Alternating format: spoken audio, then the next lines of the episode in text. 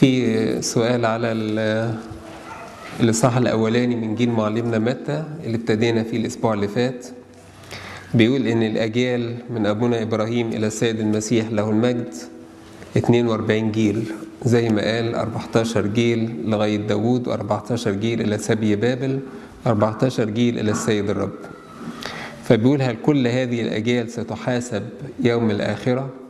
لا مش الأجيال دي بس وكل الأجيال اللي قبلها لأن هو ذكر هنا من إبراهيم فقط. ولكن في إنجيل معلمنا لوقا هنلاقي في سلسلة الأنساب هيكون الوصول إلى آدم. فلسه في من آدم لغاية إبراهيم في أجيال موجودة. فكل الأجيال كل من جاء على الأرض سيحاسب في الآخرة طبعا قلنا جيل إن السيد جيل السيد المسيح له المجد هو الجيل الذي لم ينتهي إلا بالمجيء الثاني يعني إحنا حاليا في الجيل الأخير اللي هو من السيد المسيح إلى المجيء الثاني فده كمان جيل كبير قوي برضو الجيل ده هيحاسب. يبقى في جيل قبل إبراهيم وفي بعد السيد الرب في الأجيال الموجوده سؤال في إنجيل معلمنا متى في الموعظة على الجبل. السيد الرب لما قال لا تكونوا كالمرائين فأنهم يحبون أن يصلوا قائمين في المجامع وفي زوايا الشوارع لكي يظهروا للناس. بيقول هل معنى هذا إن الإسلام كان موجود قبل إنجيل متى؟ قبل الدين المسيحي؟ لا طبعا. دي عادات يهودية كانت موجودة عند اليهود أنهم كانوا يحبوا أنهم يفتخروا ويظهروا في المجامع.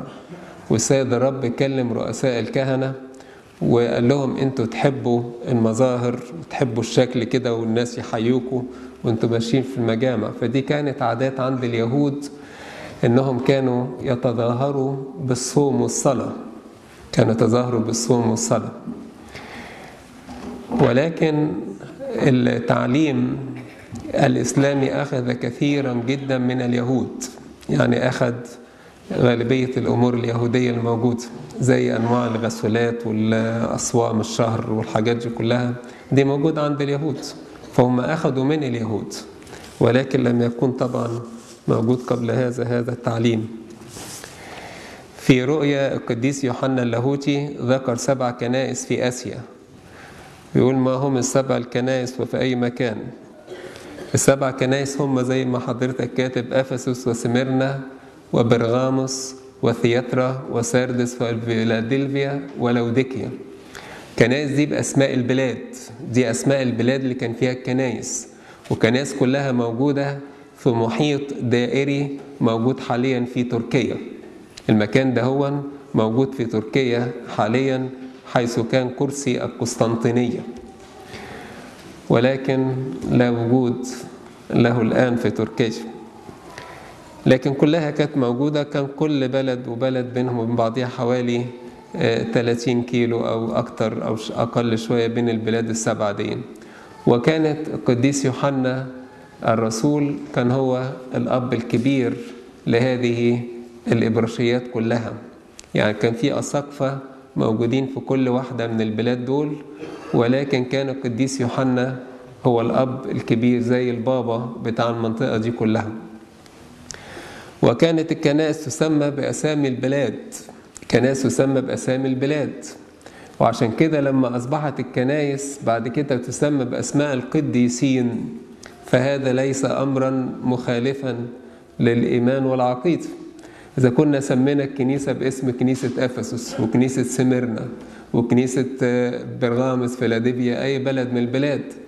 فكم وكم لو نسمي الكنيسة باسم العذراء كنيسة باسم الملائكة كنيسة باسم ماري جرجس كنيسة باسم الأنبا أنطونيوس فنسمي الكنائس باسم القديسين. فدون أمر مقدس ومقبول من الله. بل إن ربنا ذاته ربنا ذاته قال على الناموس قال عليه ناموس موسى مع إن الناموس ده بتاع ربنا لكن قال ناموس موسى. فربنا يحب إن هو يكرم أولاده. عشان كده الكنائس الرسولية حاليا تبنى على أسماء القديسين وهذا ليس فيه اختلاف ابدا. وفي نفس الوقت نلاقي الهيكل الهيكل ده بتاع ربنا. يقال عنه هيكل إيه؟ هيكل سليمان مع إن الهيكل هو بتاع ربنا مش بتاع سليمان. لكن هو ده تواضع الله ومحبته إن يدي لأولاده إن يكبرهم ويعظم بيهم. في سؤال بيقول هل الإنسان الشرير حسب الكتاب المقدس عند انتقاله من هذا العالم يذهب إلى جهنم أو إلى مكان آخر ينتظر الدينونة في مجيء الرب يسوع له المجد وما هو مكان جهنم حسب الإنجيل؟ وقت الموت في موضعين في الجسد وفي الروح. وقت الموت في الجسد وفي الروح. الجسد زي ما جاء في سفر الجامعة أن التراب يعود إلى التراب الذي أخذ منه وأن الروح تعود إلى خالقه. فبيحصل إن الروح لا تموت. الجسد لما بيموت الروح لا تموت. الروح لا تموت. فالروح هي اللي بتروح إلى مكان النعيم أو مكان الجحيم. فما فيش جهنم لسه في الوقت دون بعد الموت. الوقت ده ما فيش جهنم ولا في أيضا ملكوت السماوات. فلما بيموت الإنسان الروح هي التي تذهب إلى مكان يسمى مكان الانتظار إلى مكان يسمى مكان الانتظار. وعشان كده اللص اليمين أو الذي اعتبر يمين يمينا يعني عشان ما كتبش هو اليمين ولا الشمال لكن الكتاب يقول السيد الرب قال لنا إن الناس الكويسين هيبقوا على اليمين. فاعتبرنا ده اللص الذي أصبح على اليمين يعني. فاللص رب قال قال للسيد الرب إيه؟ قال له اذكرني متى جئت في ملكوتك. فربنا صلح له الإجابة. قال له اليوم تكون معي فين؟ في الفردوس. ففردوس النعيم هو مكان انتظار للنفوس البرة. والجحيم هو مكان انتظار للنفوس الشريرة. يبقى في مكانين للانتظار. والأماكن دي أماكن روحية. عشان كده أقول لك المكان ده موجود فين؟ ده مكان روحاني ربنا هو اللي بيحدده لسكن الأرواح تنتظر فيه الأرواح هذا الوقت. إلى المجيء الثاني وده وضحه الكتاب المقدس وضحه السيد الرب قال لما يجي مع ملائكته وقديسيه في آخر إنجيل معلمنا يوحنا بيتكلم عن مجيء الثاني. وقال عنه القديس بولس الرسول في رسالته لأهل تسالونيكي الأولى لما اتكلم على المجيء قال نحن لا نسبق الراقدين نحن لا نسبق الراقدين ولكن الراقدين يقومون أولا الراقدون يقومون أولا هيقوموا الروح بتاعتهم تروح وبعدين يجوا مع السيد الرب لأن دول رقدوا فنفوسهم موجودة هناك. وإحنا لو كنا لسه موجودين على الأرض يعني لو السيد الرب جه دلوقتي هيحصل إيه؟ يحصل إن اللي سبقونا كلهم دول أرواحهم في الفردوس هنتكلم على الأبرار. أرواحهم في الفردوس. فالناس دي كلها هتاخد الجسد بتاعهم ويقوموا ويجوا مع ربنا في المجيء. هو ده يأتي مع مع ملائكته وقديسيه هم دول القديسين اللي جايين معاه. الملائكة طبيعي مع ربنا في كل وقت. وأما نحن الذين هنا نختطف. يصل هنا عملية اختطاف. وزي ما جه في الرسالة الأولى أهل كورنثوس الصح 15 يحصل عملية تغيير في لحظة في طرفه عين. تتغير الطبيعة بتاعتنا إلى الطبيعة الجديدة اللي هو الجسم الروحاني. الجسم الروحاني. يبقى الناس الراقدين دول لا إما موجودين اللي راقدين حاليا أرواحهم هي الموجودة في الفردوس. أرواحهم هي الموجود الأبرار. عشان كده قال السيد الرب في إنجيل معلمنا يوحنا صح خمسة قال تأتي ساعة يسمع فيها الذين في القبور صوته فيخرج الذين فعلوا الصالحات إلى قيامة الحياة. هي دي الأبدية بقى. والذين فعلوا السيئات إلى قيامة الدينونة دي بقى جهنم النار. يبقى هنا لسه موجودين في القبور الكل اللي انتقلوا بالجسد. ولكن ياخدوا الروح بعد كده. يبقى إحنا حاليا في مكانين انتظار مكان للأرواح البرة ودي بنسميه فردوس النعيم مكان للأشرار وده يسمى الجحيم. والعذاب فيه هو عذاب روحي. العذاب فيه عذاب روحي ما هوش عذاب مادي لأن لسه روح مش جسد. لسه ما دخلوش فيه النعيم اللي هياخدوه في فردوس في أورشليم السمائية ولا العذاب اللي هياخدوه في جهنم النار. فالعذاب ده بيبقى عذاب روحي. والعذاب الروحي صعب جدا. أيضا مثل العذاب الجسدي العذاب الروحي عارفين لما إنسان يكون تعبان نفسيا أهو ده نوع من العذاب الروحي. وحاليا النهارده في في العصر اللي بنعيش فيه بيقولوا العذاب النفسي أكتر من الجسدي وبيقولوا النفسي هو اللي مسبب الجسدي وأكتر الناس عندهم أمراض نفسية أصعب. فهي العذاب النفسي ده عذاب صعب لأن النفس هتكتشف كل شيء وتقعد كده تلاقي نفسها تعبانة ليه عملت كده؟ وليه زعلت ربنا؟ وليه أنكرت ربنا؟ وليه؟ وليه؟ وليه؟ كل الأمور تتكشف قدامه. سؤال هل خطية إنسان ممكن تضيع الكنيسة كلها؟ ولماذا؟ وهل يوجد مثل في الإنجيل لهذا التوضيح؟ شوفوا كلمة تضيع الكنيسة صعب. كلمة تضيع الكنيسة صعب. لأن اولا الكنيسة دهيا هي الله ذاته. الكنيسة ديا هي الله. إحنا أعضاء في هذا الجسد لكن ممكن تؤذي بعض الأعضاء. فقدرش نقول إن في إنسان ممكن يضيع الكنيسة. الكنيسة لا يستطيع أحد أن يضيعها. لا يستطيع أحد أن يضيعها. السيد الرب في إنجيل معلمنا متى قال لنا إن أبواب الجحيم لن تقوى عليها. أبواب الجحيم لن تقوى على الكنيسة. والقديس اشعياء في النبوة بتاعته قال كل آلة صورت ضدها لا تنجح. كل آلة صورت ضد الكنيسة لا تنجح. والقديس بولس في رسائله قال لنا أن الكنيسة هي عمود الحق وقاعدته. هي عمود الحق وقاعدته. وقال لنا إن الكنيسة هي جسد الله السري. وقال لنا إن ربنا هو رأس الكنيسة. ربنا هو رأس الكنيسة. كل ده موجود في الرسائل في الإنجيل. فكل ده يورينا قوة الكنيسة وعظمة الكنيسة. فالكنيسة لا يستطيع أحد أن يضيعها. لازم نبص دايما للكنيسة إنها قوية. ولا ننسى هذا الشعر اللطيف اللي اتكلم فيه قداسة البابا متنيح. البابا شنودة الثالث وهو بيتكلم على الكنيسة وبيقول قد إيه الكنيسة قوية وبيعبر عنها بأن أبواب الجحيم لن تقوى عليها. لما بيقول اسألي عهد المعز فهو بالخبرة يعلم. إنك بالإيمان حرقت المقطم جبل قد هز منك وإذا شئت تحطم. لو الكنيسة شاءت كانت حطمت الجبل كمان مش نقلته بس. فدي قوة الكنيسة. حقا إن أبواب الجحيم لن تقوى عليك. فأبواب الجحيم لن تقوى على الكنيسة.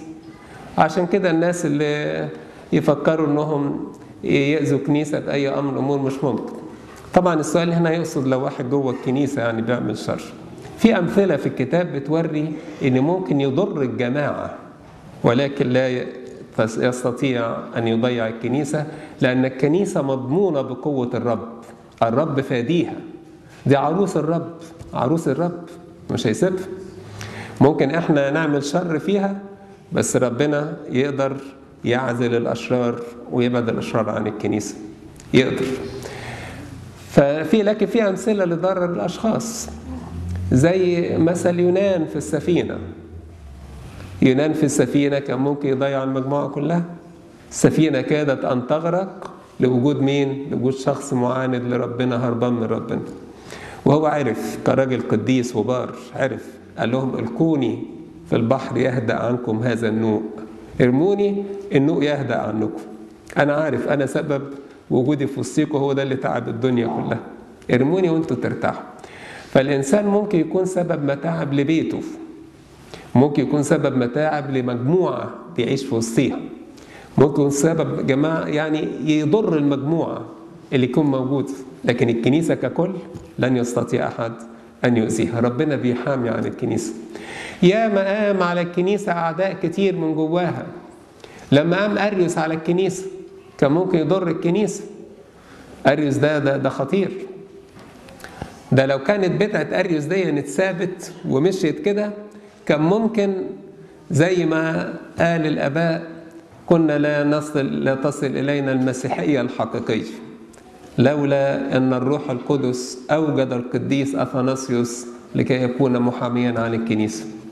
وحورب أثناسيوس محاربة شديدة جدا لدرجة حتى وصلوا أنهم يستميلوا الأباطرة ضد أثناسيوس. أباطرة مسيحيين يستميلون ضد أثناسيوس.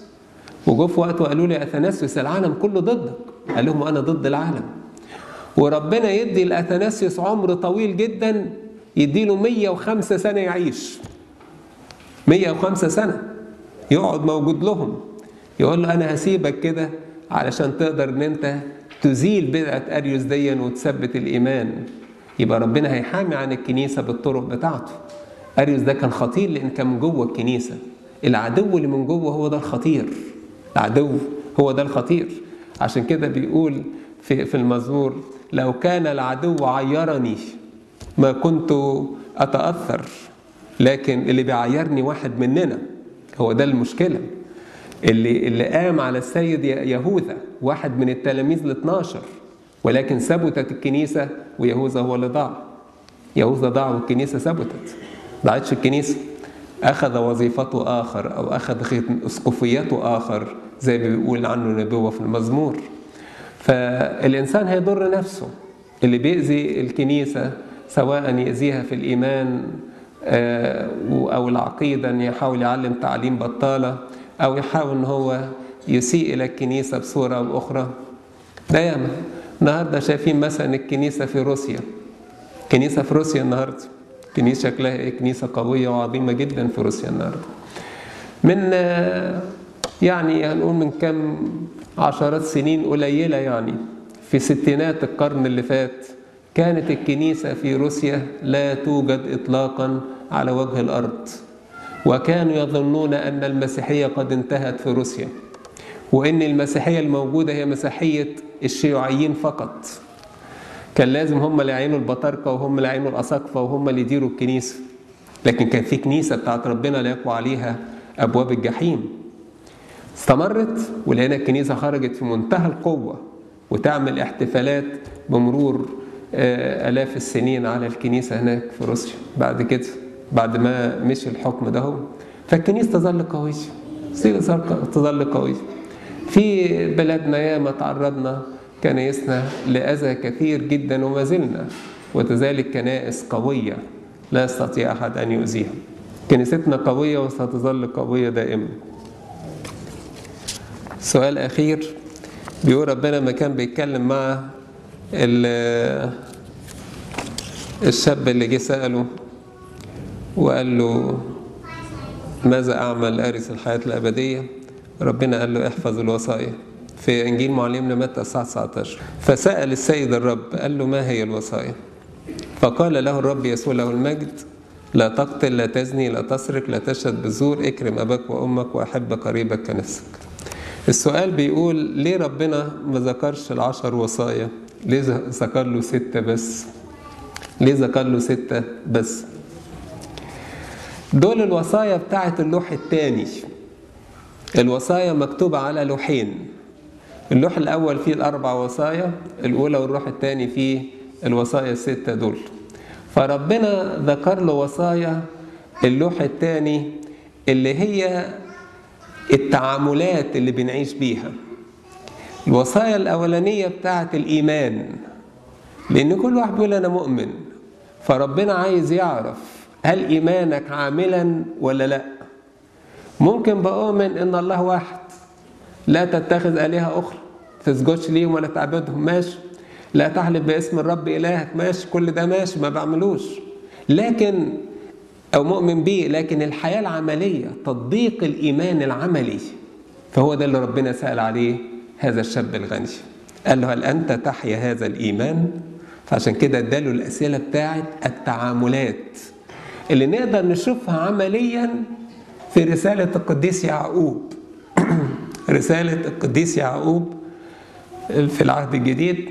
لما تقرأ الرسالة دهيا تقدر تشوف أنت بتعمل الوصايا ولا ما بتعملهاش. العملي بتاع الوصايا. عشان كده مبتدي فيها بيتكلم على الإيمان والأعمال. بيقول لك ليك إيمان ولكن مالكش أعمال؟ يبقى إيمانك ميت. إيمانك ميت. يبقى اللوح الأول اللوح الأول ملوش قيمة. ما بتعملش بيه حاجة. عشان كده قال له أرني إيمانك بدون أعمالك. هتوروني إزاي؟ توريني إزاي إيمانك من غير أعمالك؟ ولكن أنا بأعمالي سأريك إيماني. العمل بتاعي يوري الإيمان. أنا مش عايز منك تقول لي آدي الإيمان بتاعي هو تشرحه لي وتقف توصفه لي. أنا عايز أشوف منك إيمان عملي معاش. عايز أشوف إنسان بيحب أبوه وأمه حقيقي. عايز أشوف إنسان لا يؤذي الآخرين. لا يقتل ولا يزني ولا يشتهي مال قريبه. هو ده الشيء العملي الحقيقي. لكن لا الناس يقول لك مؤمنين وبيقتلوا في الناس يقول لك مؤمنين وبيبيحوا شرور تصنع مع الآخرين. إيمان إيه ده؟ ده يبقى هذا الإيمان تجديف على الله. يبقى هذا الإيمان تجديف على الله كأننا بنوصم الله بأنه بيوافق على الشرور دهين فعشان كده ربنا قال له وصايا اللوح الثاني ودي لازم إن إحنا ناخد بالنا الإيمان العامل بالمحبة. دي آية بسيطة جدا. ثلاث كلمات. إيمان عامل بالمحبة. لازم يكون إيمان لازم. وإيمان يكون ليه عمل والعمل ده يكون بإيه؟ بالمحبة. المحبه هي الله. طيب نبدأ الدرس بتاعنا. بسم الله والابن والروح القدس الإله الواحد آمين. إحنا هنتابع النهارده دراستنا في إنجيل معلمنا متى اللي ابتديناها الأسبوع اللي فات ولأنها مرتبطة بالقديسة الطاهرة مريم العذراء لأن شفنا في الأسبوع اللي فات الميلاد البتولي الإلهي من مريم العذراء حينما ولد السيد الرب يسوع المسيح له المجد من القديسة مريم العذراء. وقلنا ان ولادة السيد الرب من مريم العذراء كان ولادة من الله لأن الروح القدس هو اللي حل عليها زي ما الملاك أولا بشرها وهنا الملاك قال ليوسف النجار في حلم إن قديسة مريم هي حبلى من الروح القدس. وقلنا إن القديس يوسف تأكد من هذا الكلام بعد الولادة. عشان كده قال ولم يعرفها حتى ولدت ابنها البكر لم يعرفها أنها أم الله لم يعرفها أنها العظيمة في كل السمائيين والأرضيين لم يعرف مكانة مريم إلا حينما ولدت السيد الرب. فشاف قدام عينيه الحقيقة.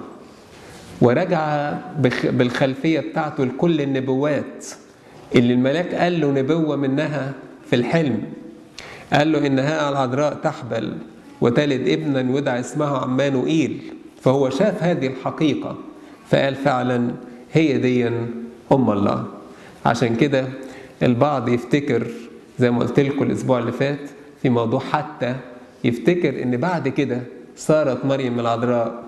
زوجة ليوسف لم ولن يحدث هذا أبدا دي كانت حتى بالنسبة لمعرفته بيها كأنها أم الله بالحقيقة. وقلنا حتى في المعنى اللغوي في حتى المانعة اللي تقول حتى زي ما يقولوا مثلا ميكال ابنة داود الملك ماتت زوجة داود سابقا. ماتت يقولوا عن المكان لما مات يقول ومكان لم تلد حتى ماتت. طب هل مات ما ولدتش حتى ماتت هل ممكن تولد بعد كده؟ لا طب موضوع منتهي فهنا دي حتى المانعة يعني. لكن المعنى الأصلي فيها أنه لم أن نعرفها معرفة حقيقية أنها أم الله. ولادة السيد المسيح له المجد. في الإصحاح الثاني بندخل في الإصحاح الثاني.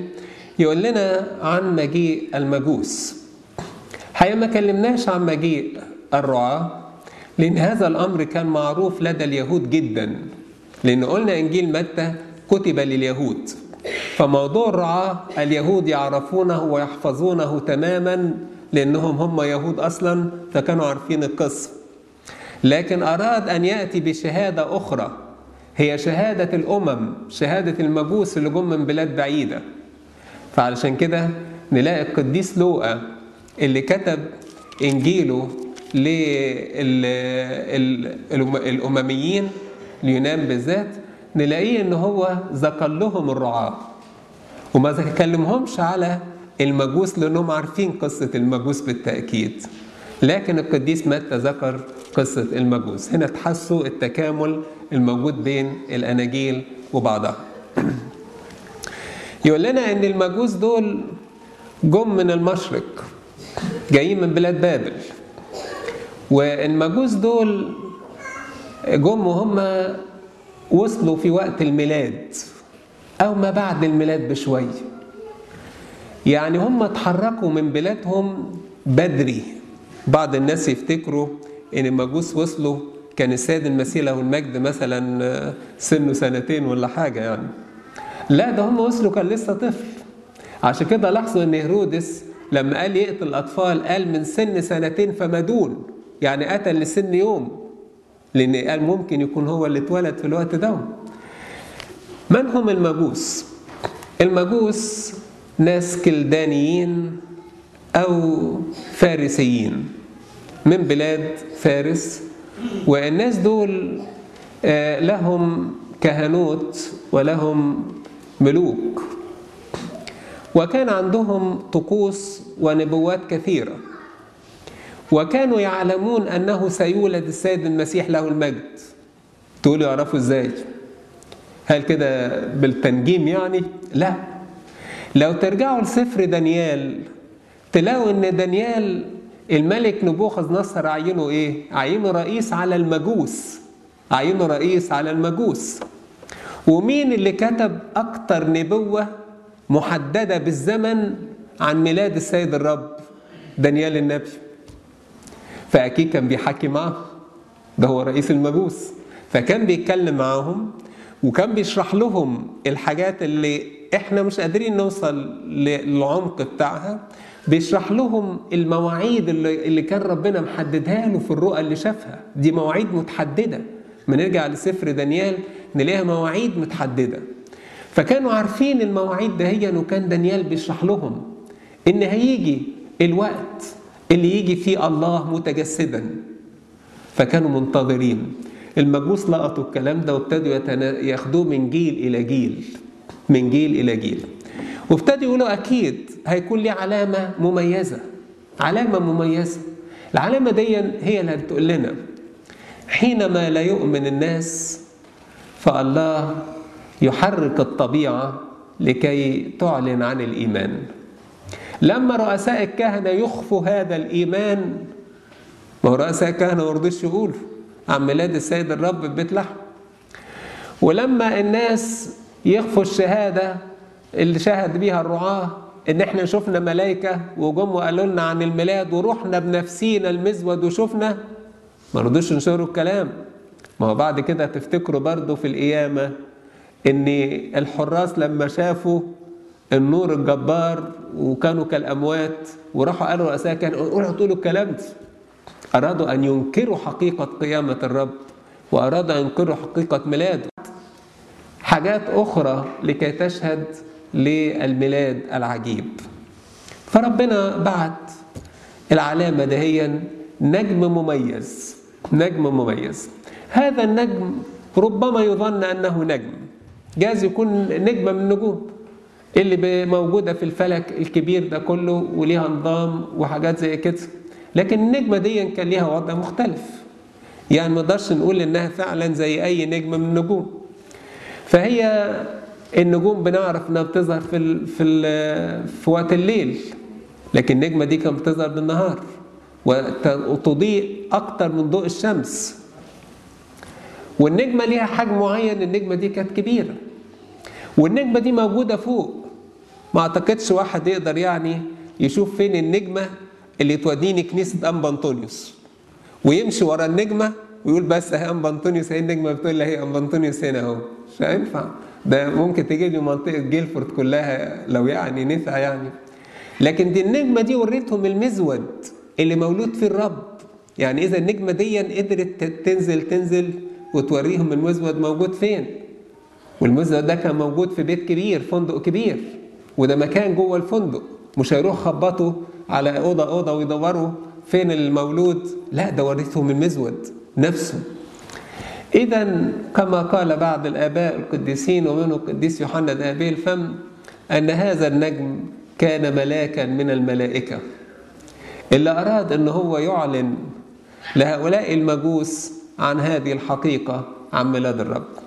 وأن النجم ده ظهر قبل الميلاد بما يقرب من سنتين. وهم ابتدوا يتحركوا من بلادهم عشان يجوا ويوصلوا ويدوروا على النجم ده هو. وإن المجوس اللي جم دول ما كانوش ثلاثة زي ما إحنا دايما بنقول المجوس الثلاثة. لكن دول كان وفد كبير جدا يتقدمه ثلاثة من الملوك الكبار. يبقى الثلاثة اللي كانوا موجودين دول ثلاثة يمثلوا مجموعة كبيرة جدا جاية عشان تفرح بالملك ملك اليهود الذي ولد. ولم يكن مجيئهم لملك عادي. يعني ملك اليهود مش في ذهنهم ملك اليهود يعني الملك اللي جاي يملك فترة وينتهي أمره. لا دول جايين للملك اللي قال لهم عنه دانيال النبي أن ملكه لا يزول ده كان نفس كلام دانيال كان بيقول كده إن ملكه لا يزول. فهم جايين يدوروا على ملك اليهود الذي ملكه لا يزول يعني ملكه يبقى إلى الأبد. فحاجة غريبة فلازم يدوروا على هذا الملك اللي ملكه لا يزول أبدا. فجايين وجايبين معاهم الجماعة كبيرة جدا جاية في احتفال ضخم وجايين علشان يشوفوا هذا الملك.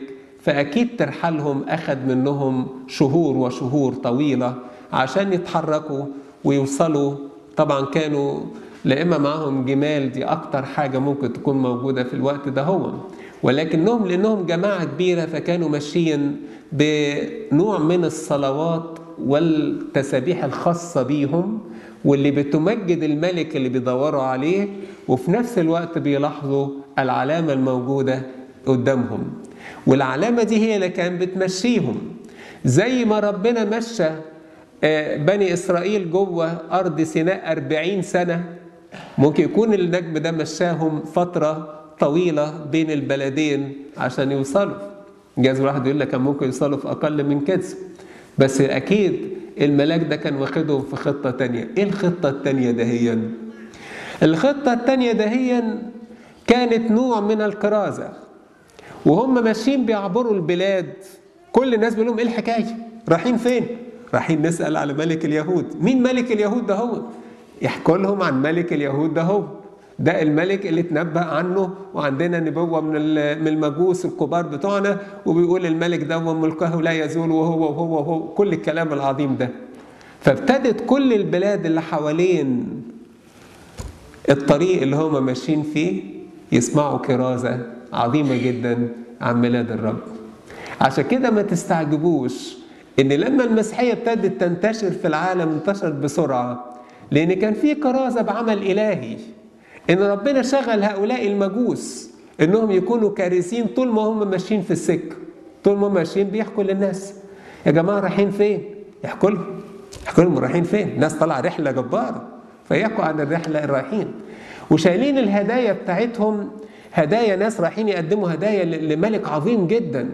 فالهدايا دي طبعا بتلفت نظر كل الناس اللي بيمروا في بلادهم. وأكيد كان بيقضوا أيام وليالي وأسابيع في بلاد من البلاد دهيا يحكوا لهم ويتكلموا معاهم ويقولوا لهم إحنا رايحين فين.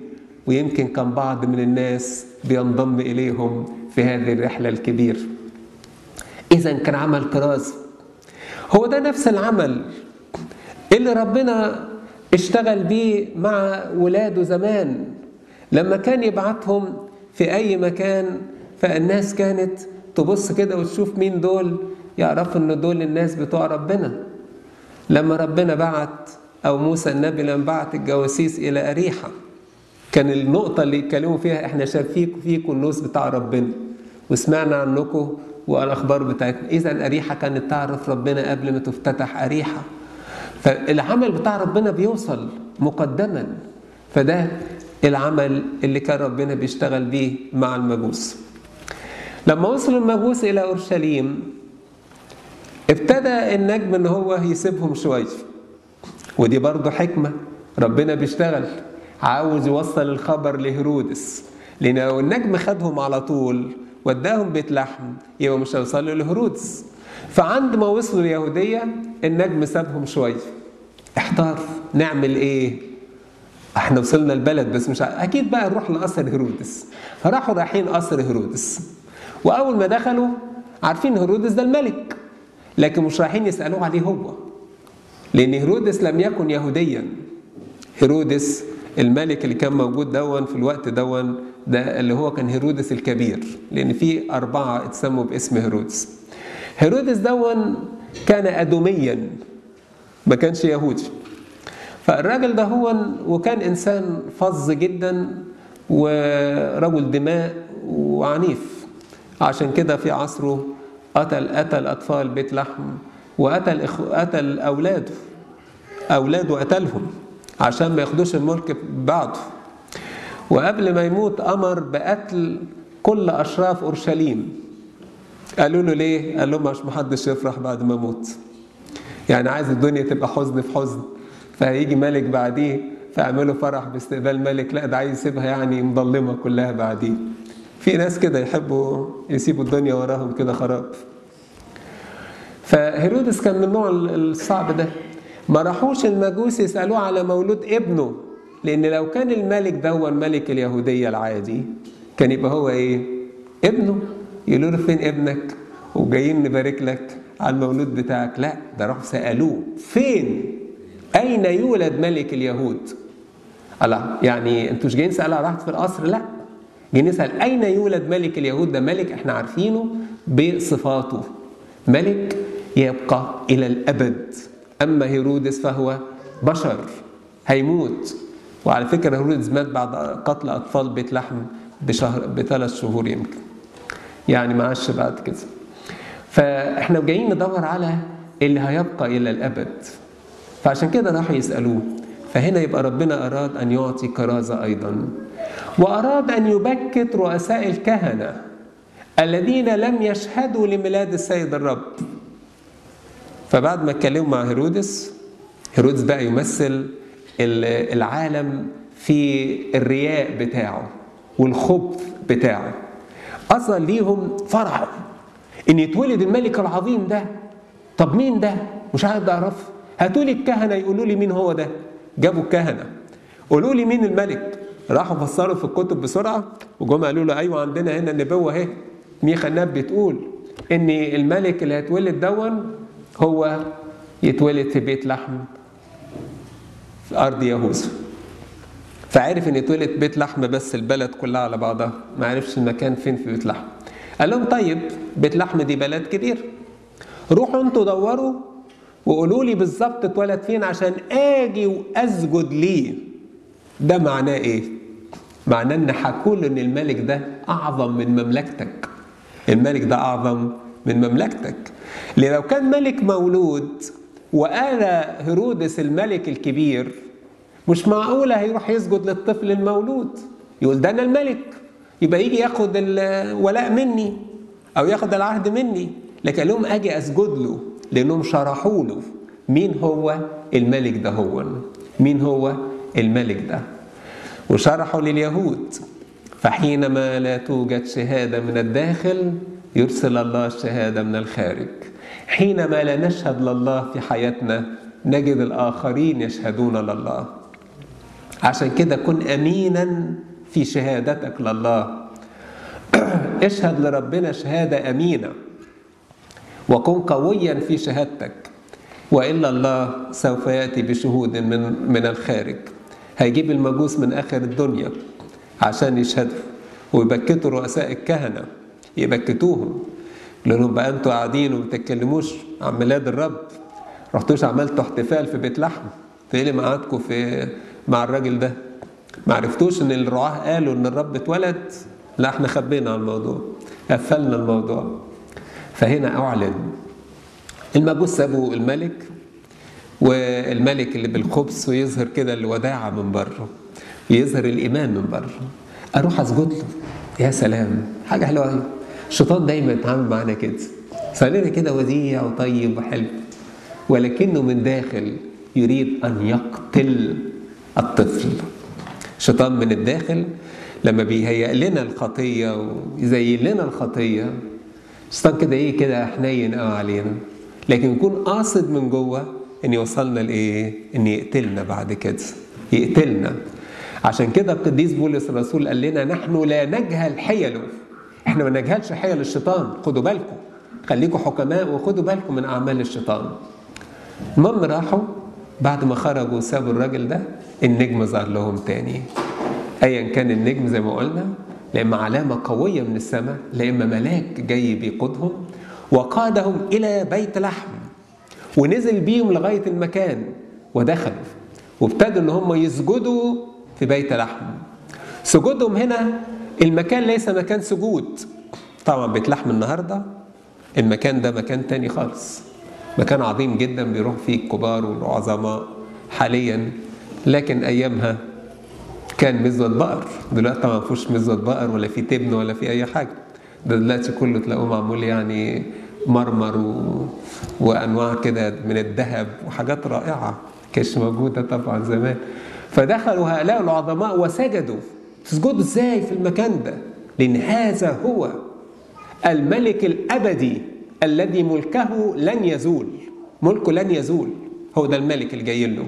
طب ما أنتم ملوك. جايين عشان نسجد لهذا الملك العظيم. وفتحوا كنوزهم وقدموا هدايا. لما يقول كنوز ما تفتكروش الهديه كانت حاجة كده صغنطوطه كده يعني تبقاش باينة. دايما كده الهدايا الذهب يحطوها في علب صغيرة كده ياخدوها الناس كده يعني. لا ده ده فتحوا كنوز وقدموا. الهدايا بتاعتهم كانت ذهب ولبان ومر. وكانت الهدايا ترمز رمزا عجيبا جدا. إن كان الذهب بيجمع من الناس لكي يقدم للملوك زي الملك سليمان لما جمع 666 وزن الذهب. وكانوا موجودين ويستخدمهم بعد كده في الهيكل وحاجات تانية.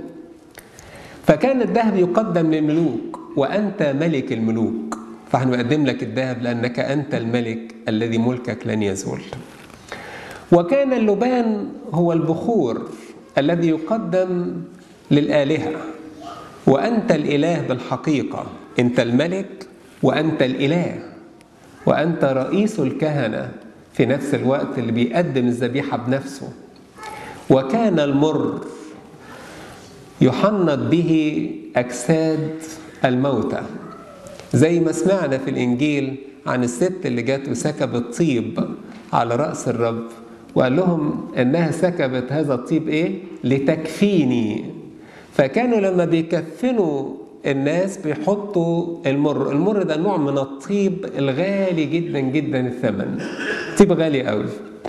ولأن السيد الرب وهو الإله بالحقيقة جاي عشان يموت نيابة عن البشرية دي كلها. فبنقدم له المر. إيه اللي عرفكم الهدايا دي؟ إيه اللي عرفكم الرموز اللي تقدموها دهيا هي دي العمل الإلهي. الذي يعطي حكمة لكل إنسان حتى للبعدين عن الله أن ينفذوا إرادته. فجم قدموا هذه الهدايا اللي بترمز إلى ملكوت السيد الرب إلى كهنوته وألوهيته إلى موته الكفاري على الصليب لأجل خلاص البشرية كلها. هم بساطة قلوبهم قالوا بقى وإحنا راجعين نروح لهرودس نقول له المكان فين عشان الراجل يروح يسجد يعني. فظهر ليهم ملاك وقال لهم لا ما تروحوش في الطريق ده هو مرة تانية. ترجعوش لهرودس روحوا من سكة تانية. حينما تتقابل مع الرب لا تعود إلى الطريق القديم مرة أخرى. خلاص هرودس ده يمثل خطية يمثل الماضي بتاعنا؟ اللي كنا بنرزخ تحته. بعد ما انت اتقابلت مع ربنا تمشي في طريق آخر. الطريق الآخر ده هو إيه؟ طريق الأبدية. طريق الأبدية خلاص بقى. ملناش دخل بهرودس هرودس عنده مملكة أرضية مملكة زائلة لكن أنا عندي المملكة الأبدية. وعشان كده المجوس أطاعوا كلام الملاك. وقالوا فعلا إحنا مش راجعين. وانصرفوا من طريق أخرى إلى كورتهم. ننصرف من طريق تاني ونمشي في طريق آخر. بعد ما انصرف الملاك عرف بقى اللي هيحصل. آه، ربنا في إيده الأمور كلها. وأوعوا تكونوا قلقانين قوي قلقانين ابدا إن في أمر بيمشي في الأرض بدون تدخل إلهي. لدرجة أحيانا بنقول له يا رب هو أنت فين؟ أو زي ما بيقول له داود النبي أحيانا في المزامير بتاعته. بيقول له يا رب إلى متى تنساني؟ إلى انقضاء لغاية لغاية الآخر خالص. يا رب أنت ناسي الكنيسة بتاعتك. يا رب أنت ناسي شعبك. يا رب أنت ناسي ولادك. يا رب بنسمع كل يوم أخبار صعبة. يا رب يا رب. لا لا لا اوعوا تفتكروا إن ربنا ناسي حاجة ابدا. لا لا لا. ربنا فاكر وعارف كل شيء وربنا بيدبر كل شيء بحكمته. ربنا عارف هيرودس ناوي يعمل إيه؟ عارف هيرودس ناوي يعمل إيه؟ وعارف هيرودس هيقتل الأطفال. هتسيبه يا رب يقتل الأطفال؟ هتسيبه يقتل الأطفال؟ دي حاجة صعبة. يمكن قتل الطفل ده صعبه جدا. يعني النهارده الناس بتتأذى قوي لما طفل يتقتل في المعارك اللي بتحصل أو الإرهاب اللي بيحصل. ما يجي الإرهاب على مدرسة والإرهاب على أطفال ولا جايبين أطفال علشان يحطوهم دروع بشرية يستخبوا وراهم الإرهابيين والإجراميين. فالواحد يقول يا جماعة ما نقدرش نقتل الأطفال يعني. لكن قتل الأطفال صعب. ومع ذلك ربنا عارف إن أطفال بيت لحم هيتقتلوا وربنا تركهم يتقتلوا بسيف هيرودس. ولكن اللي عايزه هيرودس مش هيتم. هيرودس عايز يقتل مين؟ عايز يقتل السيد الرب. هو ده الوحيد. هقتل كل الألاف دي عشانه. ولكن اللي أنت عايزه مش هيتم. وفعلا ربنا بعت على طول كلم يوسف في حلم ومن هنا ورايح مفيش حاجة اسمها يوسف أبو الطفل أو مريم امرأة يوسف. زي ما قال له لا تخف أن تأخذ مريم امرأتك. دي اتقالت وهي إيه؟ حامل. علشان يقدر يحافظ على سر التجسد لغاية الولادة. لكن بعد كده يتقال إيه؟ خد الصبي وأمه. الصبي ومين؟ وأمه. مش الصبي وامرأتك. لا الصبي وأمه. وما هتمشي على كده بقى على طول بعد كده. فياخد الصبي وأمه وانزل بيه إلى أرض مصر. اهرب بيه في أرض مصر. كون هناك لغاية ما أقول لك لأن هيرودس عاوز يقتل الصبي. طب ما هيقتل ناس تانيين. ما تخافوش. الناس التانيين دول هيعد ليهم مكان عظيم جدا جدا. وهيكون ليهم مكانة مكان ومكانة عظيمة جدا جدا. هيصيروا كملائكة حول عرش الله. لدرجة إن كتير قوي في التفاسير يقولوا إن هم دول ال 144 ألف البتوليين اللي ذكروا في سفر الرؤيا واللي موجودين حوالين العرش بتاع ربنا. ليهم مكانة خاصة. ربنا قال ما تخافوش عليهم. صحيح تشوفوا السيف صعب جدا لكن ما تخافوش من الألم الشديد. أصل الأرض دي هتنتهي هتنتهي. لكن الأولاد دول أنا هاخدهم عندي في مكان أفضل. هاخدهم عندي في مكان أفضل. جايز تبقى مؤثرة علينا كتير. زي ما قالت النبوة إن راحيل تبكي ولا تريد أن تتعزى. لأن أولادها لأنهم ليسوا موجودين لأن بيت لحم كانت القرية بتاعت يهوذا بتاعت راحيل فهنا بيورينا الإرادة الإلهية والحكمة الإلهية. اللي علينا إن إحنا نتقبلها دون أن نجد لها تفسيرا عقلانيا من عندنا. أو أن نلوم هذه الحكمة. نقول ليه يا رب أنت سايب سيف هيرودس بيشتغل؟ ليه يا رب أنت سايب لغاية النهاردة سيف الأشرار بيشتغل على أولادك؟ ليه وليه ونقعد نسأل كتير؟ ما تخافش ما تضطربش. إرادة ربنا ستكمل. اللي هم عايزين يعملوه مش هيتم. قاعدين يعملوه مش هيتم واللي هيحصل هياخد مكافأة أحسن. مين أدراكم لو الأطفال دول عاشوا كان هيكون شكلهم إيه؟ لو كانوا عاشوا على الأرض يعني أقصد. كان شكلهم إيه؟ بس أنا اديتهم حاجة أعظم. اديتهم حاجة أعظم. خدتهم معايا في مكان أفضل. دول بقوا نيابة عن السيد الرب. قتلوا من أجل اسمه. نزل الأسرة إلى مصر. كانت رحلة صعبة. ما كانش فيه أسئلة. يوسف النجار ما سألش. قال له ده أنت قلت لي في الحلم إن ده سيخلص الشعب من خطاياهم. هو ده المخلص؟ اللي تقول لي خده واهرب. طب خلصهم إزاي؟ خلصهم إزاي؟ ده لما راح ملاك المظاهر لجدعون وقال له قوم خلص الشعب. قال له جبار بأس. قال له جبار بأس إيه؟ وإحنا ورينا طب القوة بتاعتك. طب فين المخلص ما سألش يوسف السؤال. عشان كده يوسف رجل بار قيل عنه وكان رجلا بارا. الست العذراء ما قالتلوش ده انت قلت لي المولود منك يدعى ابن الله. وابن الله يهرب. نهرب ونروح. لا لا مش هنسأل الأسئلة دهيا نسألش أسئلة دهيا هو ده الإيمان. هو ده الإيمان ألا تسأل في أمور تظن أنها قاسية بالنسبة لك. أمور العقيدة نسأل فيها ونفهمها لكن مشيئة ربنا ما نسألش فيها. أقول يا رب نهرب إلى أرض مصر نهرب إلى أرض مصر. نروح هناك نروح هناك ونقعد. ربنا كان ليه عمل ليه عمل في أرض مصر. زي ما موجود في إصحاح 19 في سفر أشعياء ربنا كان يريد أن يقيم له مذبحا في أرض مصر. وكان يريد أن يحطم أوثان مصر لأن مصر كانت تعتبر عاصمة العالم الوثني في هذا الوقت. فأراد الرب أن يبقى مصر للرب يسوع المسيح له المجد وبارك شعبها. بنرجع لسفر أشعياء 19 نلاقي الكلام ده ما يتمش إلا بهذا الهروب أن تروح الأسرة المقدسة إلى مصر وتفعل هذه الأمور كلها. كان كل ما يخشوا بلد تتحطم الأوثان. الناس تستغرب إيه ده؟ مين اللي عمل كده؟ أصل في عيلة غريبة جت لا لا امشوا سيبوا بلدنا. يروح ماشيين. يروحوا البلد تانية تحطم الأوثان.